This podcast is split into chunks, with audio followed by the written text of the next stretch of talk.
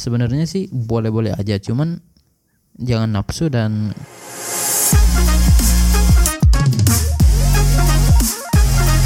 Selamat datang di episode 4 Revolution of Technology. Di episode kali ini gue bakal ngomongin soal teknologi keuangan Finansial teknologi. Nah kalau kita ngomongin soal finansial teknologi Teknologi keuangan Satu hal yang mungkin paling bisa kita lihat ya Mobile banking Sebuah evolusi perbankan di mana sekarang semua transaksi bisa dilakukan secara real time melalui satu perangkat tanpa harus ke bank gitu. Hanya melalui smartphone. Uh, sebelum lanjut kita mundur dulu nih ke sejarahnya yang di mana mulai dari sistem barter pakai emas terus muncul uang kertas. Itu adalah fintech 1.0 pada tahun 1866 transatlantic kabel pertama memungkinkan transaksi bank antar negara fintech 2.0 Kemudian lanjut di sekitar tahun 1960-an, di mana teknologi server udah muncul pada saat itu. Dari teknologi ini muncul sebuah kartu, kredit card yang menggantikan uang kertas, fintech 3.0. Selanjutnya tahun 99 ada ekonomi internet, dari sini juga muncul website yang populer pada masanya eBay. Tapi dulu proses transaksi online masih ribet nih. Setelah itu muncul PayPal. Nah, dari sini bisa kita lihat dari yang tadinya barter terus server, website, dan sekarang mobile, which is transaksi bisa dilakukan via HP, seperti yang tadi, mobile banking, e-wallet, GoPay, OVO, Dana, dan lain-lain. Itu adalah fintech 4.0. Tapi nih ada yang lebih menarik dari teknologi keuangan yaitu cryptocurrency atau mata uang digital. Mungkin kalian pernah dengar Bitcoin? Pernah lah ya. Pasti pernah dong. Jadi Bitcoin ini merupakan pelopor dari mata uang digital kayak Ethereum, Ripple, Chainlink, Dogecoin, Shiba gitu kan. Bitcoin sendiri diciptakan karena ketidakpercayaan sekelompok orang terhadap uang kertas atau sistem perbankan. Jadi si pencipta Bitcoin ini punya pemikiran kalau perputaran uang dalam ekonomi itu harusnya bisa dilakukan setiap orang secara independen tanpa harus ada pihak ketiga yang jadi perantara kayak bank atau penyedia layanan dompet digital.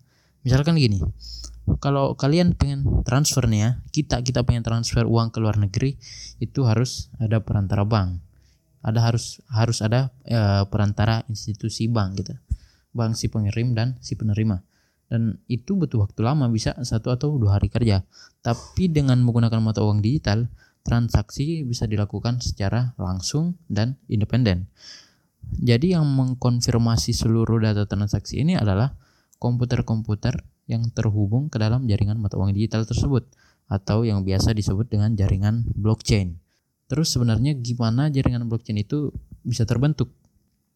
Jadi jaringan blockchain ini terbentuk dari banyaknya komputernya yang melakukan proses tambang atau mining mata uang digital. Nah, seseorang yang melakukan tambang atau mining ini disebut dengan miner. Terus cara miningnya gimana? Jadi proses mining mata uang digital ini menggunakan komputer atau komputer yang menggunakan kartu grafis yang bertugas untuk memecahkan sandi matematika yang ada di, di dalam jaringan blockchain.